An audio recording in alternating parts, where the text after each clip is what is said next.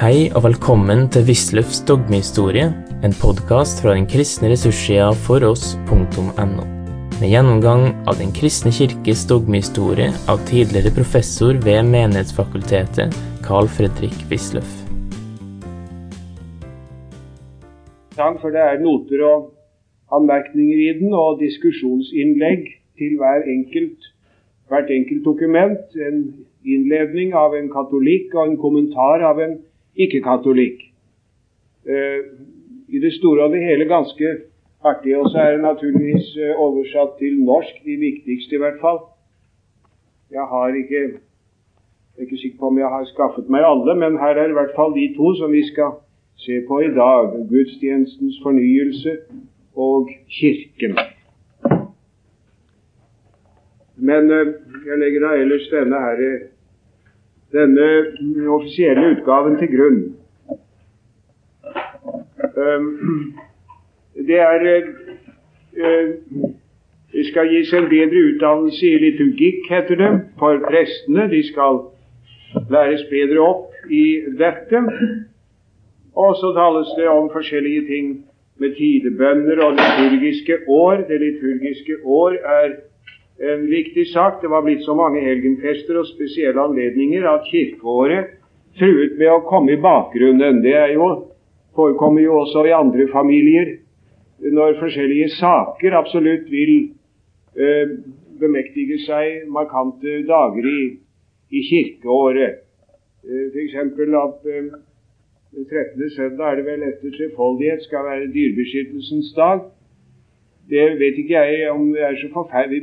Vi bør, ikke ha altfor mange sånne faste dager. Mange ypperlige saker, men det er ikke nok søndager i kirkeåret hvis vi skal fordele dem og klistre dem fast på hver enkelt, vil jeg nok si. Og Det har man da tenkt på her òg, og det står en del om dette. Ellers så vil jeg jo si det at den som leser dette dokumentet oppmerksomt, må bli slått av at den spesielt romersk-katolske eh, karakter av messen ennå stadig er der. Det er jo hva man måtte vente. Det er bare eh, meget lite realistiske iakttagere som har trodd at man her sto overfor en begynnende evangelisk reformasjon i Romerkirken. Det gjorde man slett ikke.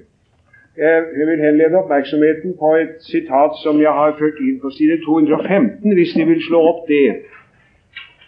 Det kan være like godt at vi merker oss det allerede her, litt nedenfor midten av siden.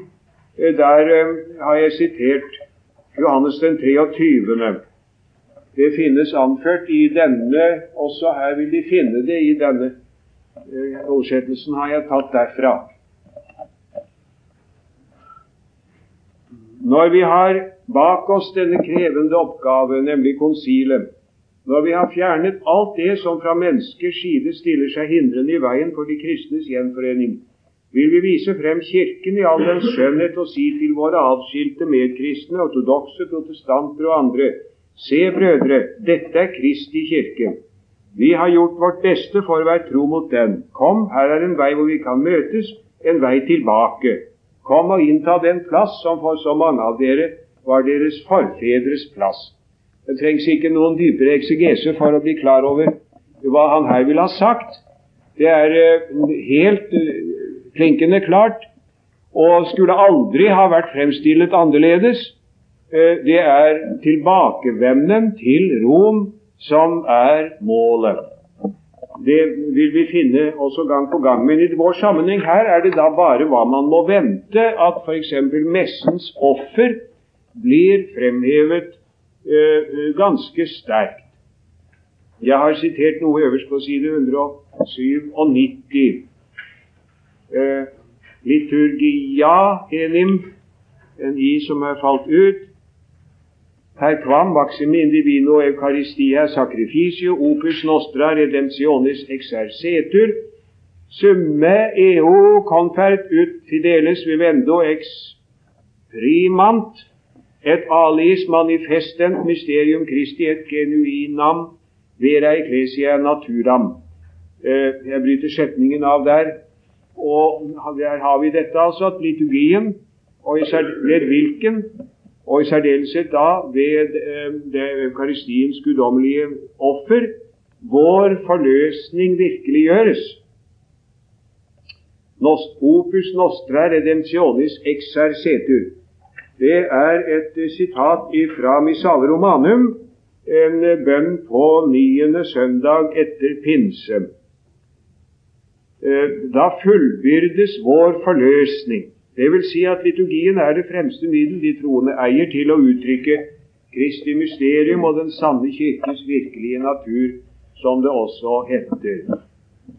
Messeoffertanken, altså frembærelsen av Kristi legeme og blod som et offer for levende og døde, er, eh, går igjennom hele konstitusjonen om liturgien. Eh, F.eks. med et eh, ord som er hentet fra Tridentinums messeofferdefinisjoner, så heter det 'den som nå ofrer via prestens tjeneste, er den samme som den gang frembar seg selv på korset'. Det er akkurat det det står i eh,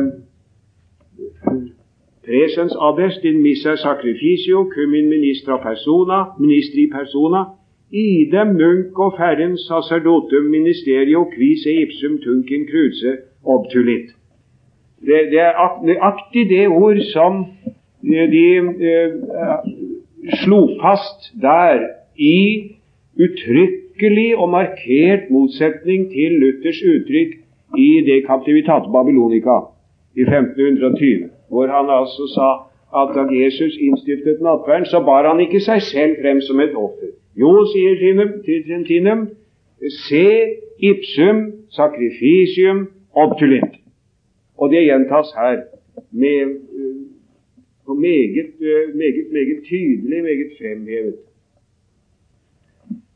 Eh, sacrificium eucharisticum corporis et sanguinis sui instituit quo sacrificium crucis in secula non veniret perpetuaret. Eh, merk det.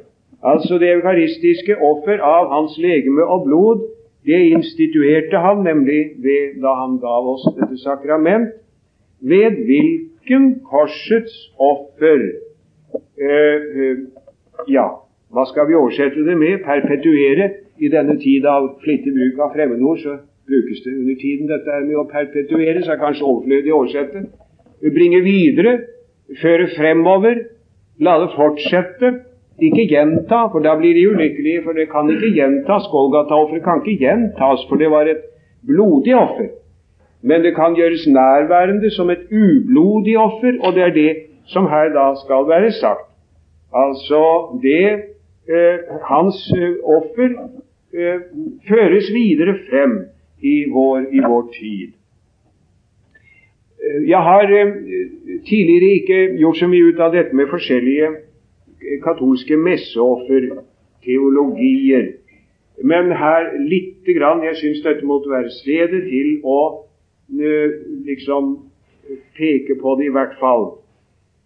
Altså, Skolastikerne de skriver veldig omfangsrike eh, questiones om transubstansiasjon, men offeret lite.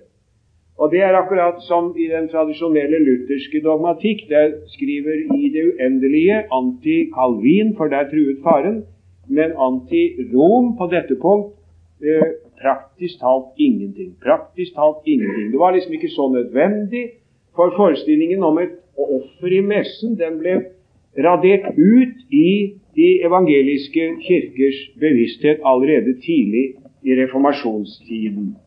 Nå er nok situasjonen en annen igjen, og uh, det, er, uh, det, er, trist å se hvordan altså lutherske teologer av adskillig status nå faller forsvarsløse ned fordi de ikke er klar over hva det ligger i den katolske uh, tanke om, om messens offer. Det, det viser seg også f.eks. I, i tolkningen av den unge Luther. Det skal ikke mer til enn at Luther sier i sin hebrebrevsforelesning at vi gjentar ikke Kristi offer, så tror endog meget berømte teologer at det er en kritikk av, av, av um, messeoffertanken. Men det er det ikke, for det sa de alle. Det var et punkt hvor det passet å si det. Ingen gjentagelse. Det hadde han lært hos Gabriel Biel. Nei, for det er et ublodig offer. Befatter fatter man ikke det, så vet man jo ikke hva man snakker om. Disse teoriene som det er eh, så mye tale om i tiden etter Trientinum, er, det vil jeg her altså peke litt på. Eh, debatten var lenge preget av Luthers problemstilling. For eh, Luther han sa det at det kan ikke skje noe offer i messen, for vaske oppført virt, moske tøtet veden, sa Luther. Det var en, noe som han gikk ut fra som helt sikkert. Og Det diskuterte man da hvorvidt det nødvendigvis må være sånn at eh, det skjer en død i offeret, men i hvert fall kunne en jo ikke diskutere det at uh, Kristi offer var hans død. Og Det første de da forsøkte fra katolsk hold, var å påvise en død i messen. Man uh, fremstilte hva som senere ble kalt destruksjons en destruksjonsteori. Suárez sa det at ved konsekrasjonen så treffes brødets og vinens substanser av en destruktio. Men det fikk lite medhold, for eh, det var jo Kristi legeme og blod som skulle i tilfelle treffes av en destruksjon. Og delugo, en, samtidig sa Kristus hensetter seg selv i en status sibi et potus, skal det stå der.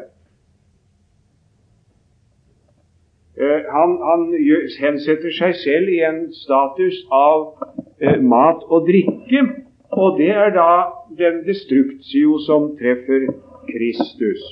Og Bellarmin sa at prestens kommunion er en offerhandling.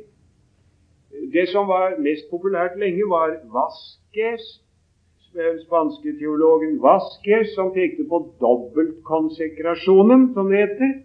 Nemlig at Kristi legeme og blod, legeme blir skilt fra hans blod ex vi verborum. Altså i kraft av ordene som presten sier. Og det er da eh, offerhandlingen. Men hele denne destruksjonsteorien synes nå for lengst å være forlatt. Jeg har ikke truffet noen nyere eh, katolsk teolog som holder på den, og med nyere tenker jeg da på eh, siste halvdel av forrige århundre og så litt ut i vårt århundre. Den såkalte oblasjonsteorien den oppsto senere. Man ga opp dette forsøk på å påvise en død i messen. Og så uh, skjelnet man heller mellom uh, oblatio og sakrifisium. Så sa man det at hans død hører egentlig ikke med til offerets vesen. Feilen var at man hadde gått inn på Luthers problemstilling. Luther tar feil. Det er bare en påstand. Det er ikke nødvendig med en død i messen, sa disse. Uh, hans sakrifisium skjedde da i den forstand på Golgata, men nå skjer det i betydningen oblatio. Det bæres frem nå. Messeofferet er da det at, at eh, Kristus, som ved konsekrasjonen er på alteret, bæres frem for Gud som et offer. Det hele blir da, synes de, veldig mye mer enkelt. Behøver ikke påvise at det skjer noe annet enn akkurat eh, konsekrasjonen. Man taler her om den franske skole eh, forrige hundre år.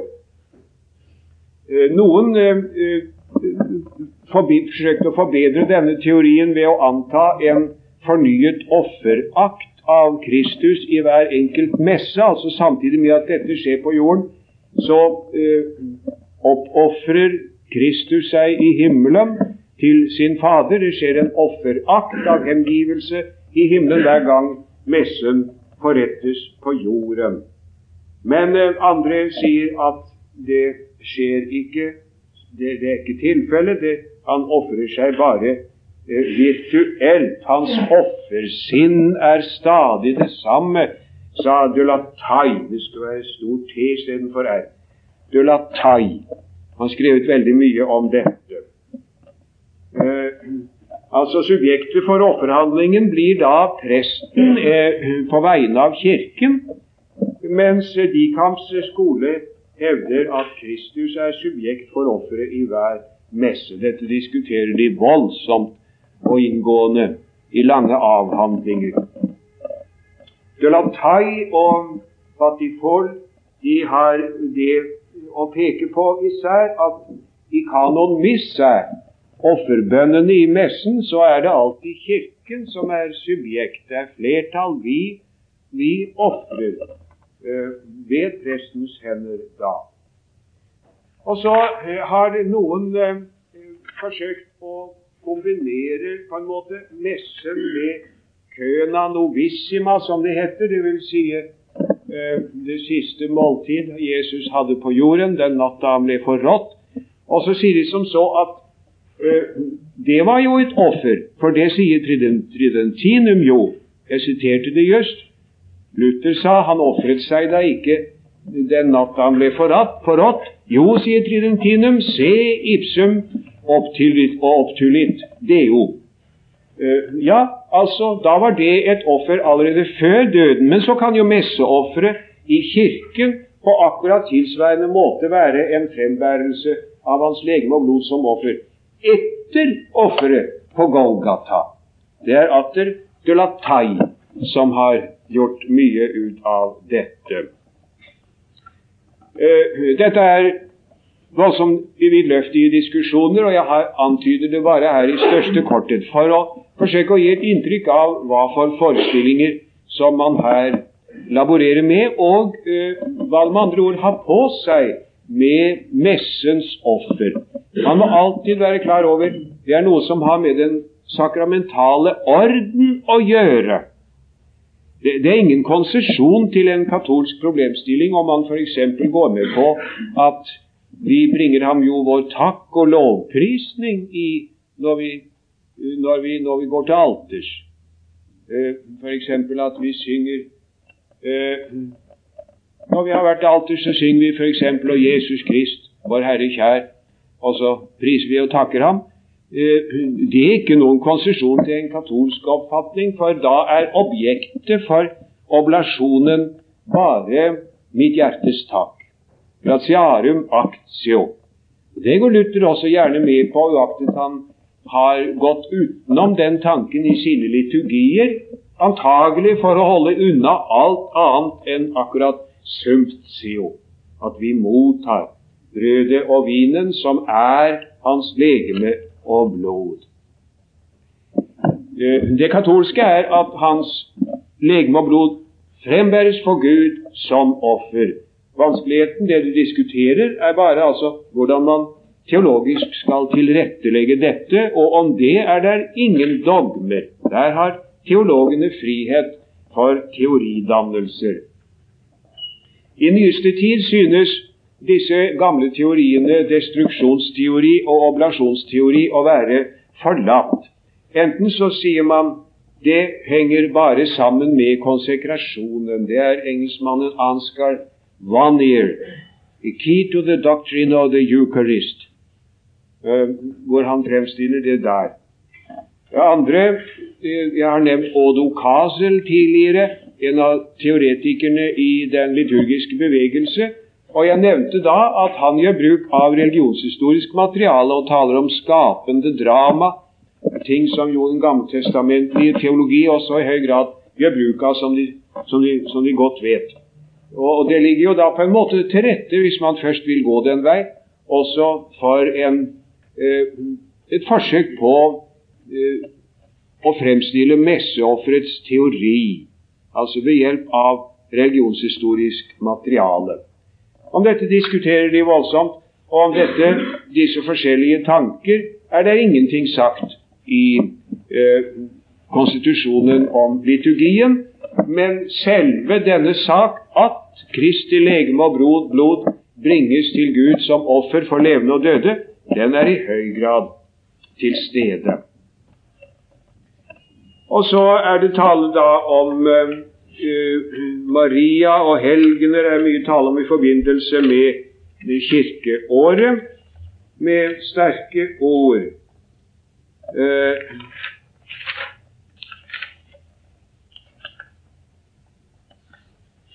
med en særlig kjærlighet æres eh, Beata Maria Dei Genetricem. Og likeså hellige bilder og helgener er noe som man må legge stor vekt på, heter det her. Vi går over til å nevne den dogmatiske konstitusjon om Kirken. Kalles etter de første ord i den, gjerne for um, lumen gentium, folkenes, folkeslagenes lys. Eh, også en av de meget viktige dokumenter, naturligvis. Som jeg har nevnt før, så rakk ikke Det første Vatikankonsil å behandle det materialet som forelå pga. krigsutbruddet. Og eh, Man trodde jo gjerne også at det skulle ikke være nødvendig, som sagt. Men eh, diskusjonen har brutt opp igjen. Jeg nevner der ett bidrag fra katolsk hold til den diskusjonen på katolsk hold, nemlig en bok av Carl Raner, eh, meget kjent teolog Carl Raner, og hans assistent og medarbeider Ratzinger.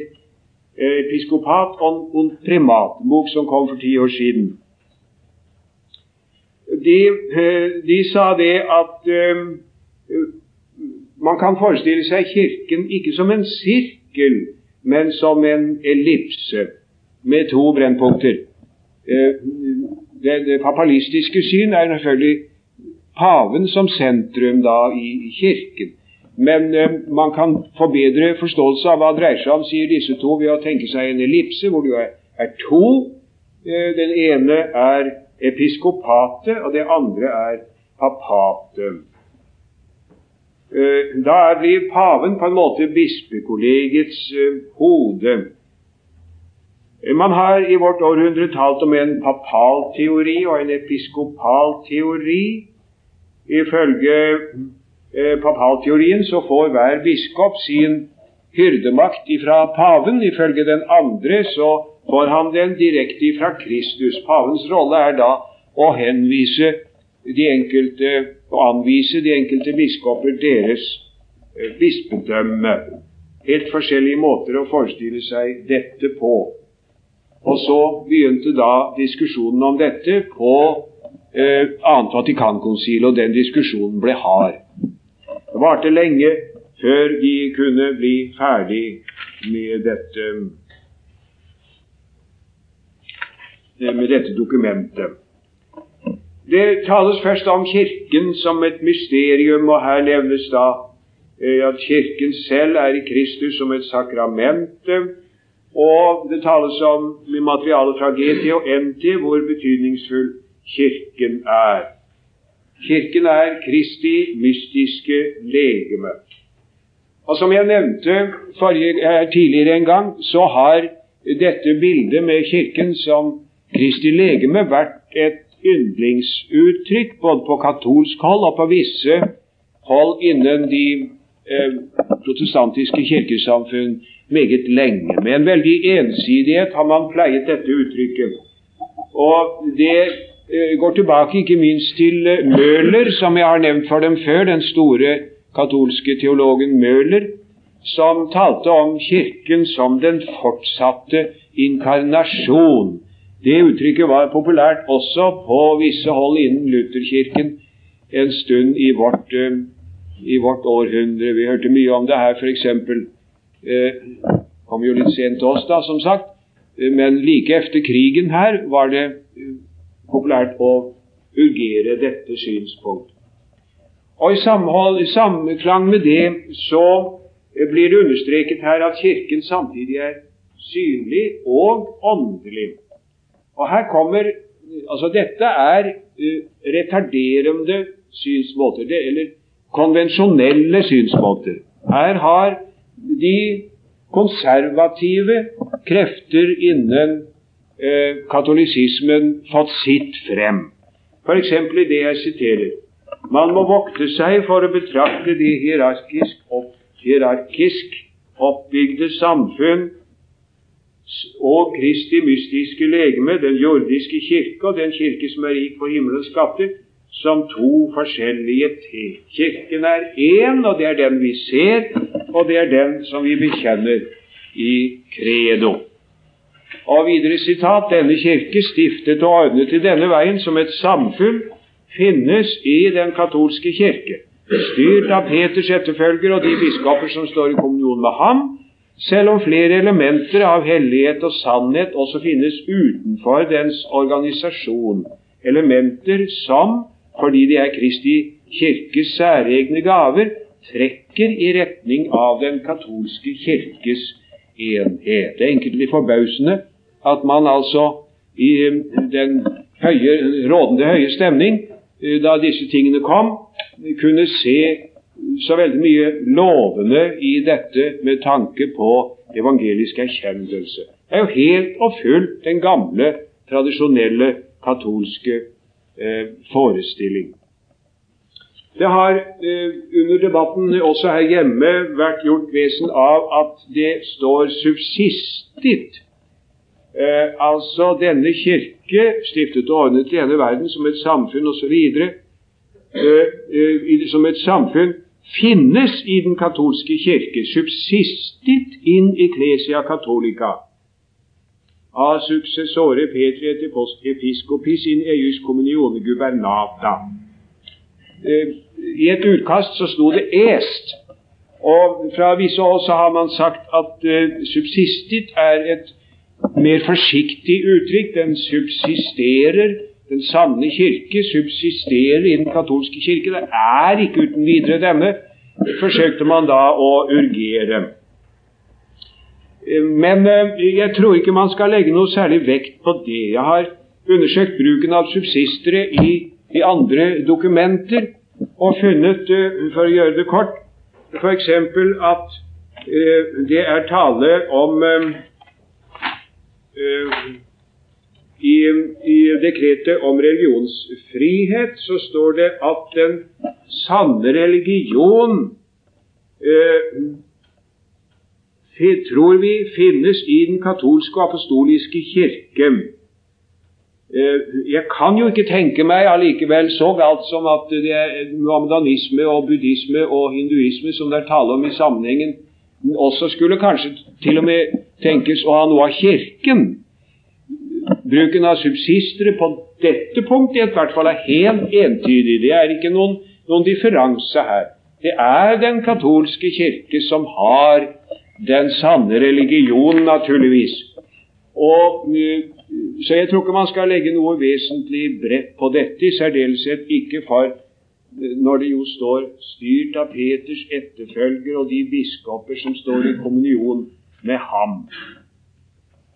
Utenfor den katolske kirke finnes det elementer av den samme sannhet, og de drar i retning av sitt, øh, sitt opphav, som er den katolske kirke. Det er første kapitlet. Og så kommer det andre, De Populo Dei, om Guds folk. Og der kommer altså den andre glosen som jeg nevnte for dem i en tidligere time her. Eh, en annen glose som, hvor det altså står Som altså er Guds folk. Og Med det uttrykk så mener man bedre å gi uttrykk for Kirkens eschatologiske karakter. Og det skulle også være mulig da å gi uttrykk for legfolkets betydning med Kristi legeme. Det passer best i samklang med at man taler om den hierarkiske ordning, hode, lemmer osv. Mens folk jo er en eh, enhet liksom på marsj. De vandrer og på jorden frem mot fullendelsen.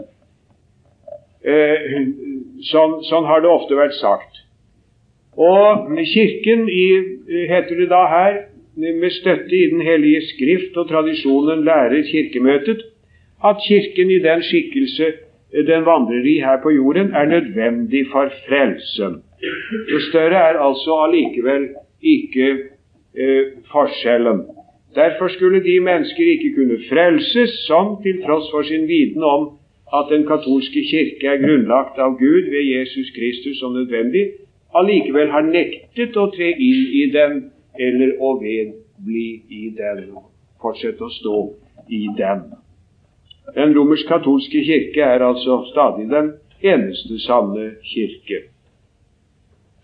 I det andre kapitlet her så, det, så drøftes det eh, forholdet mellom eh, Eller altså videre her i det andre kapitlet om Guds folk, så blir det drøftet forholdet mellom Kirken og de ikke-katolske kristne.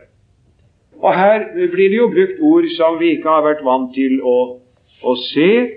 Den tales om eh, at Kirken vet seg forenet i en viss forstand med dem som er døpt og bærer hedersnavnet kristne, dog uten å bevare fellesskapet med Peters etterfølger. Men Gud vil, eh, Guds ånd vil forene alle i én jord under én hyrde, eh, ser vi.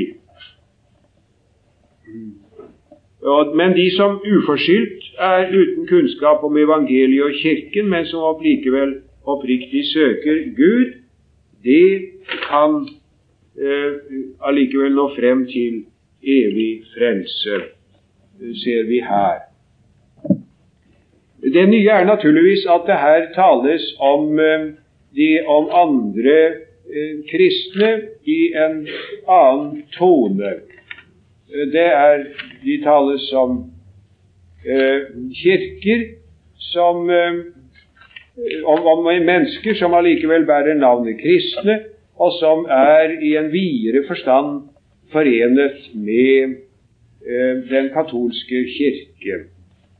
Eh, vi skal finne andre uttrykk for det samme når vi kommer til eh, dekretet om, om religionsfrihet, og likeså om, om misjon. Men her er det jo allikevel tydelig nok at den egentlige kirke, det er stadig den romersk-katolske kirke. Eh, det kan altså være noen som ikke har noen relasjon til paven, vil ikke nekte at de er kristne. Og så er det andre som har sine egne tradisjoner, og de kan også ha plass i det kirkelige fellesskap, står det her.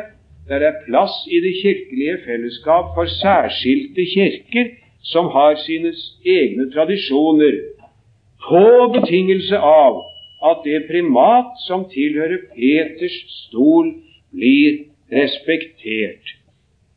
Det er for så vidt det siste her er ikke noe nytt, for det er jo velkjent at det er kirker med gresk-ortodoks ritus, maronittene og andre, de som eh, har eh, hører til den romersk-katolske kirka likevel, enda de har sine egne skikker, sin egen liturgi, De er helt forskjellig. En egen liturgiske sang som lyder helt annerledes, merkverdig annerledes. Husker en høytidelig eh, litani i Peterskirken som var full av mennesker og vidunderlig sang. En akustikk som man ikke kan vente å finne svært mange andre steder, nettopp for den slags musikk, selvfølgelig. Men så var det også noen med gresk ritus som sang. Det var også meget vakkert, men så aldeles annerledes. Man måtte nesten smile. Men det er helt i orden. Hvorfor? Jo, fordi de anerkjenner paven kirkerettslig som overhode.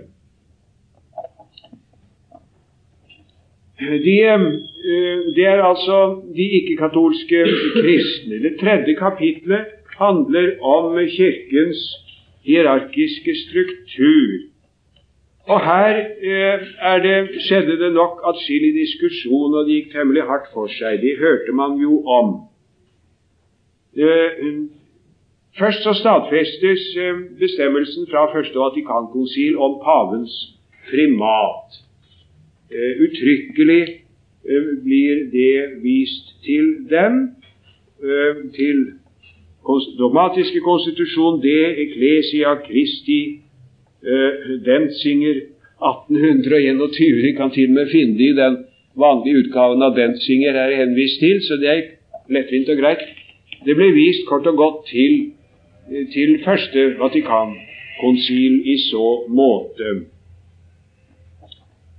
Og så blir det videre talt om apostelkollegiet. Og her er det noe som er forholdsvis nytt, altså. For her eh, føres inn en størrelse som heter eh, apostelkollegiet. Det har ikke egentlig vært noen, noen, terminus før som det har vært så mye tale om.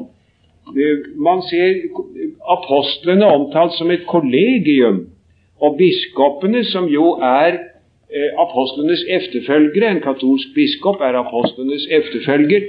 Biskopene også utgjør et kollegium. De uttrykk som har vært brukt i den retning før, har vært svært ubetonet. Man har ikke gjort noe teologisk bruk av dem, liksom. Men, eh, men her skjer det. Og det var ikke alle som var så begeistret for. Det var en eh, av de gammeldagse eh, biskopene som protesterte, ble det referert. Og han sa at den eneste gangen han kunne se apostlene oppføre seg som et kollegium, det var i Getsemane, da det sto at de flyktet alle sammen. Så han, han var ikke noe sjarmert av den, av det der, der. Det ble allikevel til at man, man instituerte dette her, altså at de er et, et, et, et kollegium. Men, men, men, det var jo naturligvis vanskelig og, og farlig. Og så ble det, blir det satt inn en hel del sikkerhetsventiler for at ikke pavens overhøyhet skal komme i fare så står det f.eks.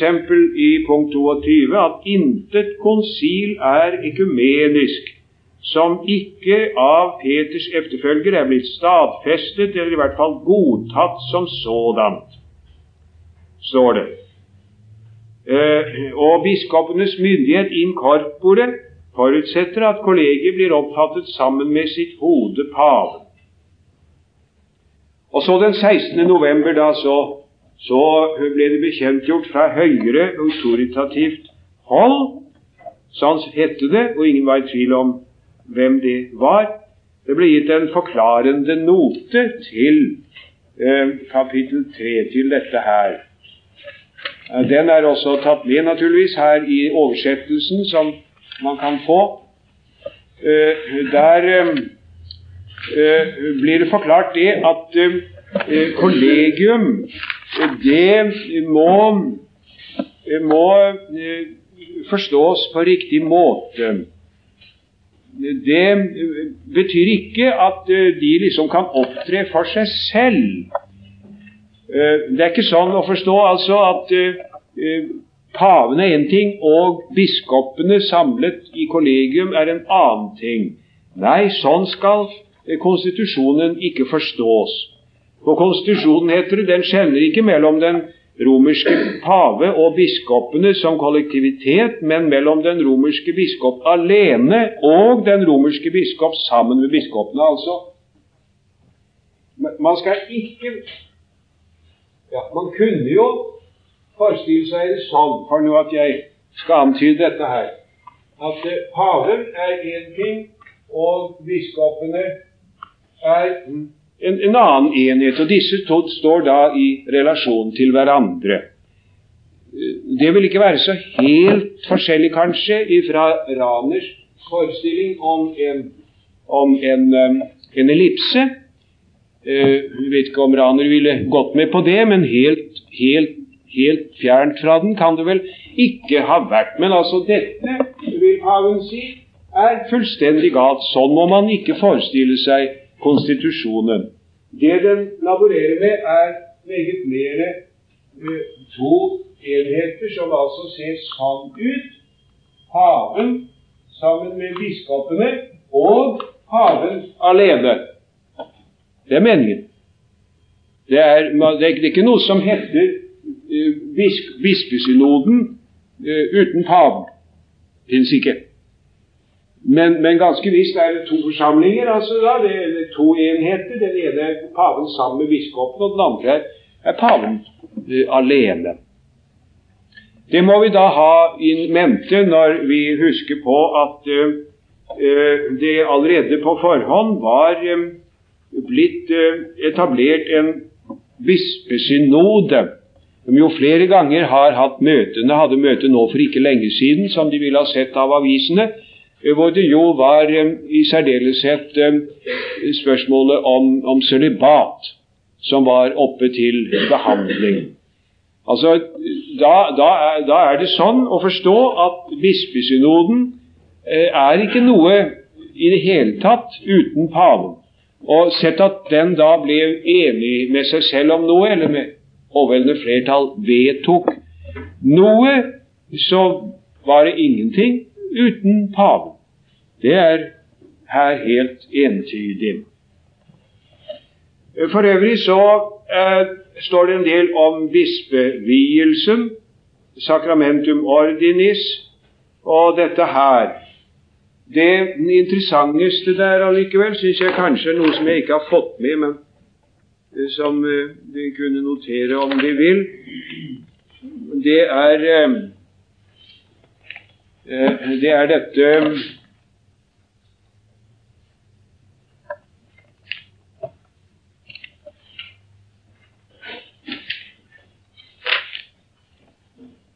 nemlig hvor det står tale om bispevi, bispevielsen og den eh, sakramentale karakter eh, som eh, dette har. Det er veldig artig, for der står det der går altså Der går man altså inn for den oppfatning at bispevielsen er et, et sakrament den hellige ånd blir meddelt biskopene, og det sakramentale seil prentet i dem ved håndspåleggelse og innvielsens ord, heter det. Men det, det mest interessante der forekom meg å være eh, begrunnelsen. Den lyder nemlig ex traditione emim kve presertim liturgicis ritibus et ecclesia tum orientis, tum occidentis usu declaratur, perspicuum est. Altså ut fra tradisjonen, både den østlige og den vestlige, er det tydelig at så videre. Uh, vi uh, kommer senere her til uh, den dogmatiske konstitusjonen om åpenbaringen, jeg eh, kommer da til å nevne litt om debatten som har vært om forståelsen av dette, og vil sette fingeren på det punkt at her blir tradisjonen uttrykkelig brukt som bevis i et dogmatisk spørsmål. Det er ikke noe forsøk på noe skriftbevis her av gode grunner, men, eh, men, men ex traditione perspicuum est. Du har nå hørt Wisløffs dogmehistorie. Finn flere ressurser og vær gjerne med å støtte oss på foross.no. Følg også gjerne noen av våre andre podkaster, f.eks. Table Talks.